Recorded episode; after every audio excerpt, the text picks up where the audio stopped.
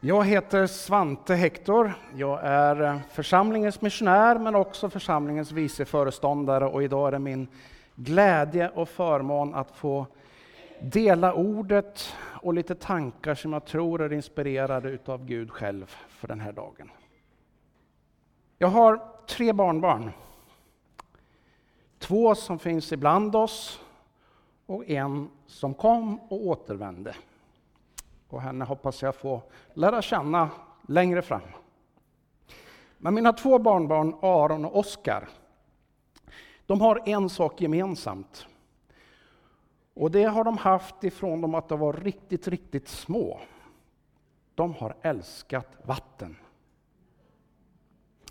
Under en period var det så här att det bästa som fanns, det var att stå med mormor eller morfar vid diskbänken och diska. Och vattnet liksom fick rinna och det flödade och man diskade och man kunde diska samma sak många gånger. Igår så var jag nere i Dalsland i våran stuga där min mamma växte upp. Och så hade jag Oskar med tillsammans med hans föräldrar. Och igår var en sån här varm, härlig sommardag som passade väldigt bra att vara ute, så vi var ute större delen av dagen. Vi var ute i blåbärskogen och plockade blåbär och vi var vid sjön och så badade vi. Och Oskar, han tyckte så fort vi kom till sjön, nu måste vi hoppa i, skynda dig morfar, nu ska vi hoppa i. Och det var liksom inte möjligt att sitta länge uppe på stranden i solen eller i gräset innan vi var tvungna att hoppa i. Och när vi väl hade kommit upp efter ett tag så tog det inte lång stund förrän det var dags att hoppa i igen. Vattnet är lockande. Jag vet inte om du känner igen dig på något vis. Men jag älskar vatten. Hur länge skulle du kunna klara dig utan vatten? Har du funderat på det? Kan vi få något förslag här? Hur länge tror du att du skulle klara dig utan vatten? Jag har ett glas här så jag ska klara mig den här stunden nu, men hur länge skulle du klara dig utan vatten? Tre dagar. Får vi något mer förslag? Tre dagar, ja, men det skulle vara ganska jobbigt, eller hur? Hur länge skulle du klara dig utan vatten utan att det blev jobbigt? En, en halv dag eller en dag kanske. Det är inte jättelång tid, eller hur? Så vatten har en oerhört viktig betydelse i våra liv. Det är så uppenbart för alla människor. Jag tänker att om du, om du inte tycker om vatten eller behöver vatten så vet jag inte vilken planet du kommer ifrån. Jag har varit på platser där det är väldigt lite vatten. Jag var i Niger för ett antal år sedan och det var varmt. Ett ökenland. Och eh, det var ungefär 50 grader i skuggan på dagen. Och där var det så här att det första som hände om du kom in hos någon, vilket det var ett kontor eller vilket det var ett hem, så frågade man aldrig, man bara ställde fram vatten. För alla visste att vi måste dricka vatten, om vi inte gör det så kommer vi inte att överleva. Och idag så har jag hämtat min inspiration till den här gudstjänsten från en text som handlar om just vatten. Eh, kan ta nästa bild. Vatten, det både attraherar precis som det gör för mina barnbarn och som det gör för mig också. Vatten är helt avgörande för liv. Du kan ha en plats på jorden som verkar tämligen död och torr. Du kan ha ett sammanhang, men om det kommer vatten i tillräcklig mängd så finns det förutsättningar av att det kommer att grönska och det kommer att bli liv. Kommer ni ihåg hur det var förra sommaren? Någon kommer ihåg det. Det var ganska varmt och torrt. Och vi fick höra fler och fler berättelser om eld som brann av olika skäl. Och det var så torrt. Och det blev brunt och ingen nästan behövde klippa gräsmattan. En del tyckte kanske att det var bra. Eh, men det torkade. Löven från en del träd, de började liksom reagera som om det vore höst. De stängde ner helt enkelt för att överhuvudtaget överleva. Liv finns inte om inte finns vatten. En av de sakerna när man utforskar Mars, som är en av planeterna i vårt solsystem som liksom är lockande av att kanske resa till och, och möjligen drömma om att etablera sig. En av de viktiga frågorna är, finns det vatten där? Varför? Jo, därför att utan vatten inget liv. Vatten erbjuder liv. Vi använder vatten för att duscha och rena oss. Jag duschade i morse. ska ni vara tacksamma och glada för. Eh, det är fantastiskt att få skölja kroppen med vatten och känna, jag var smutsig, men jag blev ren. Häromdagen så var jag vid Håverud. Mattias vet vart Håverud ligger. Där möts en väg, där möts en järnväg och där möts en vattenväg. Vatten som man kan transportera båtar och alla de här korsas på samma ställe. Jag vill bara påminna, vatten har liksom en sån här oerhörd central funktion. Utan vatten, inget liv. Utan vatten, väldigt, väldigt mycket, nästan allt stannar. Och så till berättelsen som här hämtade från Johannes, det fjärde kapitlet, ett av mina favoritkapitel. And if you're here today and you haven't yet got used to English, or sorry, to Swedish, but you can manage with English, I just would like to inspire you to read John chapter 4 and the 13 first verses. You can start from 6 and onwards, or from the first verse and onwards. Um, these will be leading and guiding the scriptures. And read it. And if you don't understand any word of the Swedish, read this text and listen to the Holy Spirit, and He might tell you something, something interesting. Jesus är på resande fot tillsammans med sina lärjungar. Och så är det varmt, det är mitt på dagen, och så kommer de fram till en plats där det finns en källa. Och de är nog både törstiga och hungriga kan man förstå av sammanhanget. För lärjungarna de går iväg till den lilla staden eller byn inte långt därifrån för att köpa mat. Och Jesus är kvar vid källan. Och så kommer en kvinna dit. Och vi kan läsa texten. Ehm, och tänk dig då att det här är en varm plats. Jag har varit i den här trakten. Det är ökenliknande klimat. Och det är varmt mitt på dagen. Kanske 30-40 grader. Där fanns Jakobs brunn. Jesus som var trött efter vandringen satte sig ner där vid brunnen. Och det var omkring sjätte timmen, det vill säga vid lunchtid. Då kom en samarisk kvinna för att hämta vatten och Jesus sa till henne, ge mig lite att dricka. Hans lärjungar hade gått bort till staden för att köpa mat. Den samariska kvinnan sa till honom, hur kan du som är jude be mig, en samarisk kvinna, om något att dricka? Judarna umgås nämligen inte med samarierna. Jesus svarade henne, om du kände till Guds gåva och vem det är som ber dig, ge mig lite att dricka, då skulle du ha bett honom och han hade gett dig levande vatten. Hon sa, Herre, du har ingen kruka och brunnen är djup, så varifrån får du det levande vattnet? Är du större än vår far Jakob? Han gav oss brunnen och drack själv ur den. Likaså hans söner och hans boskap. Jesus svarade henne, den som dricker av det här vattnet blir törstig igen. Men den som dricker av det vatten jag ger honom ska aldrig någonsin törsta. Det vatten jag ger blir en källa i honom med vatten som flödar fram till evigt liv. Mitt på dagen jag skulle kunna hålla en lång utläggning om varför samarierna inte umgicks med judarna. Det ska jag inte göra. Men kvinnan är förvånad över att Jesus som en jude pratar med henne. Det var inte vad hon hade förväntat sig. Och Jesus, som är en mästare, han hade ju kunnat ordna vatten själv. Men han gör inte det.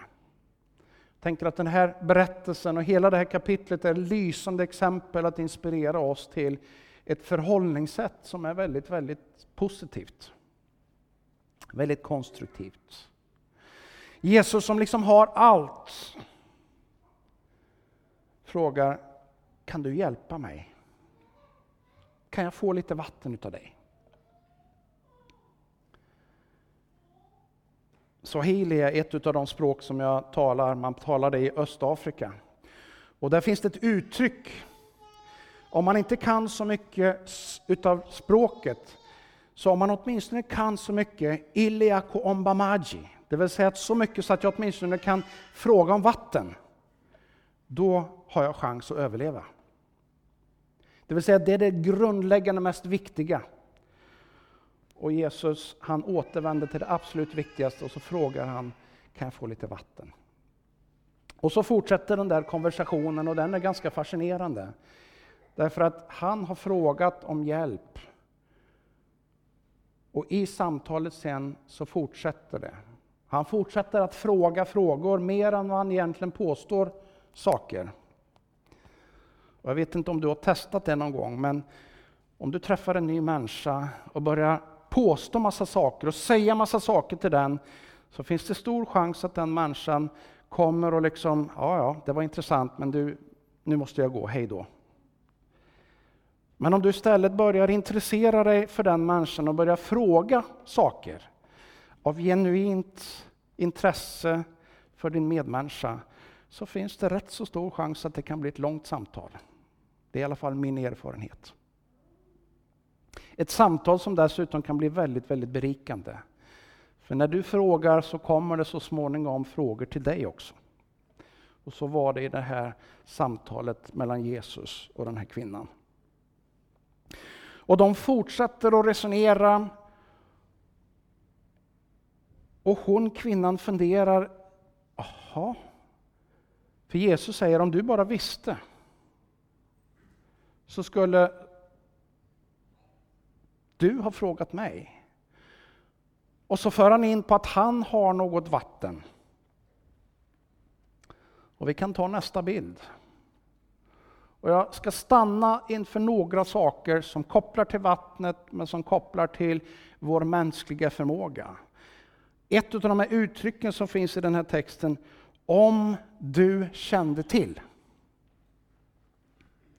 Om du idag visste att du kunde casha in 10 000 kronor, bara du gick till rätt plats här i stan, hur många skulle gå dit då?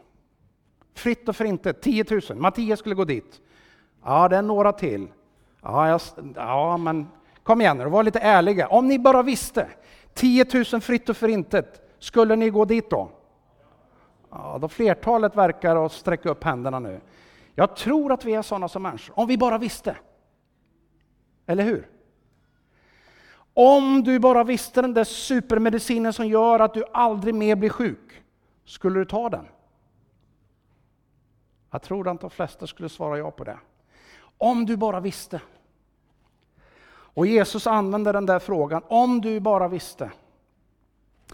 Och då tänker jag så här att vi människor, vi har liksom olika fönster. Det finns saker som vi ser och det finns saker som vi liksom kan veta utifrån det vi har sett och det vi har upplevt. Och de där fönstren kan se lite olika ut. Jag vet inte vad du har för fönster i ditt liv. Men det du ser, det blir avgörande för de beslut du fattar. Om du vet genom vad du har sett och hört och du är fast övertygad om det, då går du och handlar. Vet du att du ska få 10 000 kronor på en given plats en given dag i Karlstad, då går du förmodligen dit. Därför att vem vill inte ha de pengarna? Eller vem vill inte ha de resurserna? Om du bara visste. För en del så är fönstret ungefär som det där fönstret. Alltså i alla fall från det här perspektivet så ser det ganska litet ut. Det är viktigt därför att det tillåter ljus att komma in. Och det kan vara väldigt, väldigt avgörande, för vem vill sitta där det är mörkt? Om man får välja. För en del av oss är vår utblick och det vi ser och det vi liksom vet utifrån vad vi har sett. Det är som det där fönstret. Vi vet att det finns något där bakom. Vi vet att det kommer ljus där. Men vi kan inte se så jättemycket tydliga detaljer. Är ni med mig? För oss andra, eller för en del av oss andra, så kan det åtminstone ibland kännas som att oj, vi har liksom fönster hela väggarna. Vi ser jättemycket. Och det är så tydligt och klart och ibland när vi möter människor så tänker vi, nej men varför ser du inte? Det är ju helt uppenbart. Och då tänker jag så här att ibland är jag där vid det där lilla fönstret, jag ser inte så mycket. Då kanske jag behöver hjälp av någon som har ett lite vidare perspektiv, kanske ett lite större panoramafönster. Som liksom kan berätta om de där bergen som ligger där borta, som kan berätta om de där vattenfallen, bäckarna, källorna som finns på det där berget. Jag har varit på Kilimanjaros sluttning. Där finns det källor. Jag har varit på Mount Meros sluttning som också finns i Tanzania. Kommer ihåg när Susanne, när du fyllde 30 år, Susanne Hager är en av våra församlingsledare här. Susanne och Mats var och hälsade på och på hennes 30-årsdag då var vi uppe på Mount Mero, eller hur? Och vi hade utsikt över Kilimanjaro. Och då besökte vi ett sånt här vattenfall där vattnet bara flödar fram. Kommer ni ihåg det? Mm. Om ni vill ha bilden tydligare så kan ni fråga Mats och Susanne sen senare vid fikat.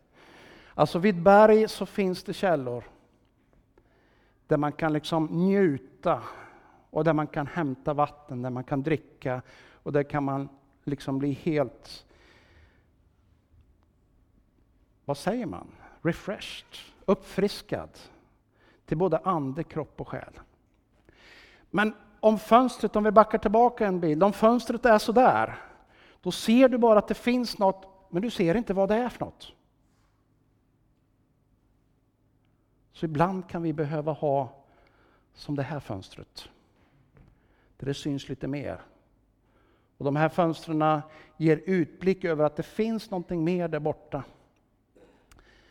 Och frågan är vilket fönster du har idag. Och frågan är vilket fönster du vill ha idag. Och jag tänker att vi människor, jag själv och vi alla, och de vi möter, de är oftast logiska och rationella utifrån de fönster som de har. Och ibland så kan vi behöva hjälpa varandra att öppna fönster för att se lite mer. Och när jag läser den här texten, när Jesus möter den här samariska kvinnan, så är det ungefär som att Jesus vill öppna lite fönster. Om man läser vidare i texten så pratar de om ganska många saker. Och där är det som att Jesus steg för steg öppnar fönster efter fönster efter fönster. Och till slut så blir den här kvinnan så övertygad om det hon har sett och hört så hon går tillbaka till de människorna som finns i den byn eller den lilla staden, samhället där hon bor. Och så berättar hon, hörni, kom och möt honom som är en profet och jag tror att han är Messias. Det vill säga, han är den som ska komma och rädda oss och visa oss vägen. Varför kunde hon säga det här? Jo, därför att Jesus mötte henne där hon var. Där hon var på väg för att hon var törstig och behövde hämta vatten. Och där möttes de, för han var också törstig, fast kanske på ett lite annorlunda sätt. Och så möts de där de har något gemensamt. Och så börjar de samtala, han ställer frågor och så småningom ställer hon frågor. Och så öppnar sig fönstren som för henne blir revolutionerande. Jag vet inte vad det är för fönster som du behöver ha öppnade idag för att du ska se och våga tro på det här Jesus säger.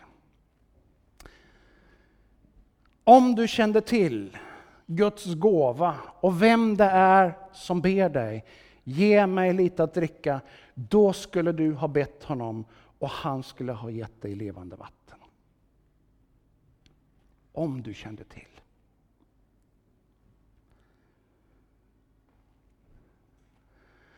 Men den som dricker av det vatten jag ger honom ska aldrig någonsin törsta. Det vatten jag ger blir en källa i honom med vatten som flödar fram till evigt liv.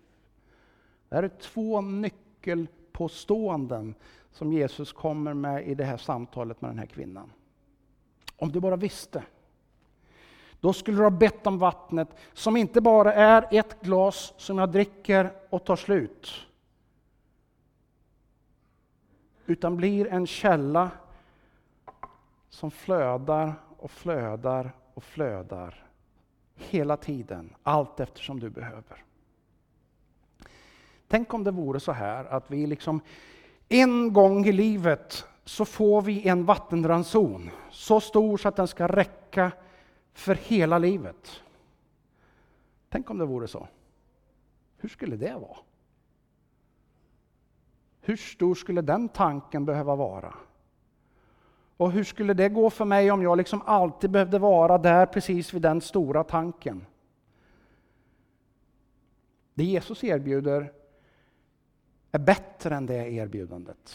Han erbjuder vatten som inte bara är ett glas gott och friskt vatten just nu, utan blir en källa som flödar. Och varje dag, varje stund kan du liksom ta ett nytt glas eller en ny skopa och dricka. Varje dag kan du liksom ta en ny dusch och känna hur du blir ren ifrån det som har smutsat dig i din tillvaro. En källa erbjuder en del spännande saker. Så konsekvensen av en källa, ja, när våra barn var små, då besökte vi vid några tillfällen en källa ute på slätten, slättlandskapet, ganska varmt område, lite ökenliknande klimat nedanför Kilimanjaros sluttning. Det var det varmt och det var nog säkert 30-35 uppåt 40 grader många gånger där. Men mitt ute på den här slätten så fanns det en källa och så flödade det upp vatten som var ungefär 28 grader konstant. Som ett stort hål ur backen som var kanske fem meter brett. Rätt ner så bara flödade källan upp. Och Det var fascinerande för att det var liksom torrt runt om. Och så helt plötsligt så var det en oas där. Därför att där upp ur marken så kom det vatten som bara flödade upp och vi åkte dit ibland bara som en sån här avkopplingsdag för att sitta där och ha med oss lite fika och lite picknick och, och vi badade även där i. Det bara flödade och det bara flödade och flödade. Konsekvensen av det här det var att det blev en flod som rann ifrån den här källan. Och längs med den här floden så växte det träd. Det var som en djungel. Runt om så var det ganska torrt. Öken typ. Kärvt. Inte mycket växtlighet. Men där vattnet fanns, där växte det. Väldigt, väldigt häftigt. Om ni vill komma ihåg eller få en annan beskrivning, fråga Rebecka, min dotter som sitter här, hon vet eller så.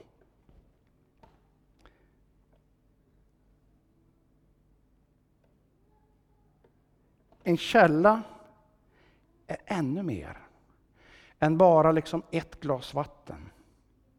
En källa som du bär med dig, som inte är en stor tank som en börda, men som du har och som alltid finns och kan flöda. Och konsekvensen av den här källan, det är ett drag, vattendrag som flödar och där det börjar växa och där det blir grönska och där det kommer frukter. Och människor dras dit och människor blir välsignade där.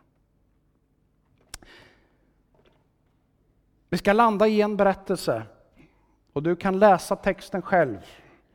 Hesekiel. And for the English speakers, look into the book of Ezekiel, chapter 47, and the 12 first verses. A prophecy of the prophet Ezekiel, telling about the new Jerusalem, which is the image of the new kingdom of God.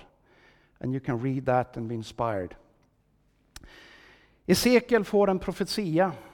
Och då ska vi komma ihåg bakgrunden här. Under många år så har det funnits ett tempel och templet är centrum för judarnas tillbedjan. Det är där man möter Gud. Det är där man liksom hämtar kraft, det är där man får syndernas förlåtelse. Och så blir landet invaderat, deras tempel blir rivet och de allra flesta deporteras till ett främmande land och blir flyktingar. I den flyktingsituationen så är det en profet som heter Hesekiel och han får en profetia om det nya Jerusalem. Deras erfarenhet är att det har funnits en stad, det har funnits ett mäktigt tempel, men det är raserat. Och så får han en profetia.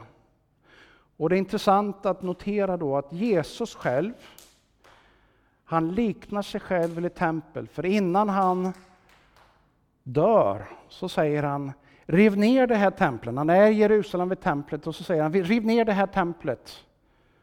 Men på tre dagar ska jag bygga upp det. Och han jämställer sig själv med det som har varit den viktigaste platsen för tillbedjan, för Guds möte. Och när Hesekiel, om man läser då Hesekiels profetia här, så blir det ganska uppenbart att det är Gud själv. Vad är det då som är kännetecknande för den här berättelsen? Jo, det finns ett tempel i den nya Jerusalem och det finns ett flöde som verkar vara ganska litet till synes från början. Det är ett vattenflöde som kommer ifrån Gud själv, ifrån Jesus själv. För det är så Jesus beskriver sig. Och det som är spännande och intressant är att flödet, det är som att det börjar litet, ser ut som, men det blir större och större och större allt eftersom det rinner. Så är det ofta med vattenflöden, men då beror det på att det kommer liksom tillflöden hela tiden. Men i det här fallet är det inte så. Här finns det ett tillflöde. Och Det ser ut att vara litet från början, men ju mer det rinner, ju längre det kommer, desto djupare blir det, desto bredare blir det. Och Esekiels erfarenhet är att till slut är det så djupt så att han liksom bara tas med av vattnet. Det går inte att stå emot det, det går inte att gå över vattnet utan att du bara dras med av strömmen. Men i början verkar det som att det är bara lite grann som kommer rinnandes ner. Det han ser längs med det här vattnet längre fram, det är att det är fullt med träd på båda sidorna. Och de här träden är inte bara träd som ger frukt kanske en gång eller möjligen två gånger per år. Nej, det är frukt som återkommer varje månad. Det vill säga att kontinuerligt, hela tiden kan man säga återkommande. Och Det står beskrivet att den här frukten det ger liv, det ger mat till människorna. Och så står det att löven, det som växer från träden, som växer utifrån källan och det här flödets vatten, det ger läkedom och helande. Men visst är det väl en fantastisk bild? Alltså en källa som ser liten ut, men det blir bara större och större. Och det är mer och mer träd som växer upp, det är mer och mer frukt. Och det är inte bara någon gång ibland, utan det är varje månad, återkommande hela tiden. Och det finns läkedom. Fiskarna trivs där. Alla sorters tänkbara fiskar finns där. Det finns liksom ingen som är exkluderad, verkar det som. Och den här bilden är hämtad ifrån vattnet som rinner ner till Döda havet, där det liksom är dött. Det har ansamlat så mycket mineraler och så mycket salt så att det finns inget som kan leva där. Men när det här vattnet kommer, då blir det liv. Var helst vattnet kommer så blir det liv. Det här är den här bilden som profeten Hesekiel får. Och jag anar att han nog inte förstår själv, vad är det här egentligen? Men när man börjar läsa om Jesus och när man hör hans berättelse, hans samtal med den här samariska kvinnan, så kan man ana lite grann, oj, är det det här Jesus menar när han pratar med kvinnan? En källa som ser liten ut från början. Men ju mer den flödar, ju mer utrymme den får, desto djupare och bredare blir den. Och desto mer växer det upp och grönskar som konsekvens utav den. Och ditt flöde kommer, där blir det liv. Jag vet inte riktigt var du befinner dig i din livssituation idag. Jag vet inte om du upplever att du är som en öken eller är liksom i torka. Jag vet inte om du upplever att du längtar efter att få dricka alldeles rent vatten.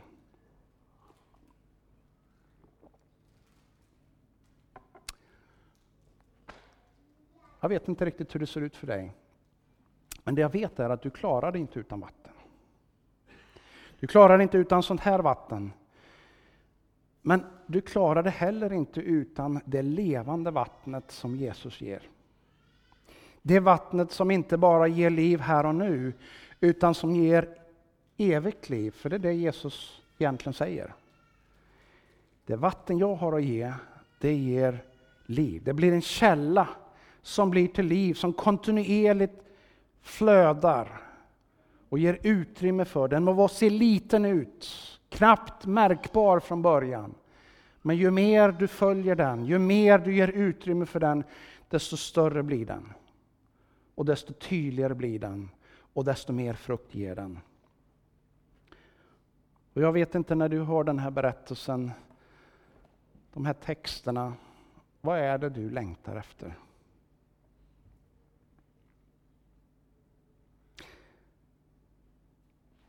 Kan ta, det bra, om det bara visste. Jag börjar med frågan om du bara visste. Men jag har vänt på det och skrivit om de bara visste. De som du har runt omkring dig. Dina släktingar, dina grannar, dina arbetskamrater, dina skolkompisar, dina vänner. Om de bara visste. Om de bara hade ett fönster tillräckligt stort för att se det som du har hört idag. Vad skulle de göra då? Om du hade sett tydligt nog så du kunde berätta för dem och hjälpa dem att öppna deras fönster. Vad skulle det bli då? Jag tänker att det finns många fönster som behöver öppnas. I mitt liv så finns det fönster som jag hela tiden behöver öppna så att jag ser lite mer förstå lite mer. Så att om jag bara vet så kan jag ta ett steg i rätt riktning och ett till och ett till och ett till. Och jag tänker att du och jag kanske inte är så jätteolika. Om du bara vet så kan du gå i rätt riktning, du kan ta steg. Och om du vet så kan du hjälpa någon annan som ännu inte ser det du ser. Att öppna fönstret. Inte kanske med massa påståenden eller saker som du kastar på någon. Men kanske precis som Jesus genom att ställa en fråga. Du, kan du hjälpa mig? Jag behöver det, kan du hjälpa mig? Och inleda ett samtal där ni tillsammans öppnar fönster så ni ser lite mer. Vem kan du hjälpa öppna nya fönster? Vi Ta nästa bild i Uppenbarelseboken, den sista boken i Bibeln, där Johannes upp, landar i en uppenbarelse om det som ska komma. På lite liknande sätt som profeten Hesekiel. Där står det väldigt tydligt, den som törstar ska komma och den som vill ska fritt få ta emot livets vatten. Jag tänker att det finns egentligen bara ett riktigt, riktigt viktigt kriterium för att du ska få del av det här vattnet som Jesus har att erbjuda. Det är att du är tillräckligt törstig. Den som är tillräckligt törstig, den går faktiskt även när vattnet är slut så går man dit där man tror att det finns vatten, även om man inte vet helt säkert. Är det inte så? Tror jag att det, ja, mitt vatten är slut, men jag tror och anar att där finns det nog vatten, då går jag dit i alla fall. För när törsten blir tillräckligt stor så har jag inget alternativ, jag bara måste söka mig dit det finns vatten. Och jag vet inte vad din törst består utav idag, men det jag vet är att det vattnet som Jesus har att erbjuda, det Jesus har till erbjudande för dig idag, det räcker till. Inte bara idag. Det räcker till imorgon och i övermorgon, nästa vecka, nästa månad, nästa år. Om du ger utrymme för det i ditt liv. Och jag vill bara avsluta min predikan här med tre frågor som du kan fundera över. Vi ska få höra sång precis alldeles nu. Du kan komma fram. Vad gör du med det här? Den här berättelsen, det här fönstret som kanske har öppnats på ett nytt sätt. Eller möjligen fanns det, men det var grumligt och så har det putsats så du ser lite mer idag igen. Vad gör du med det? Vem av dina vänner behöver höra om det här? Behöver påminnas? Och den konkreta frågan är, vilket steg tar du inom 24 timmar? Det är nämligen så här att vi funkar så människor. Om jag börjar ta ett steg idag så är det stor chans att jag kommer iväg på den där resan jag behöver komma iväg på. Men om jag väntar så är det stor risk att jag väntar och väntar och väntar och missar chansen. Vad är ditt nästa steg?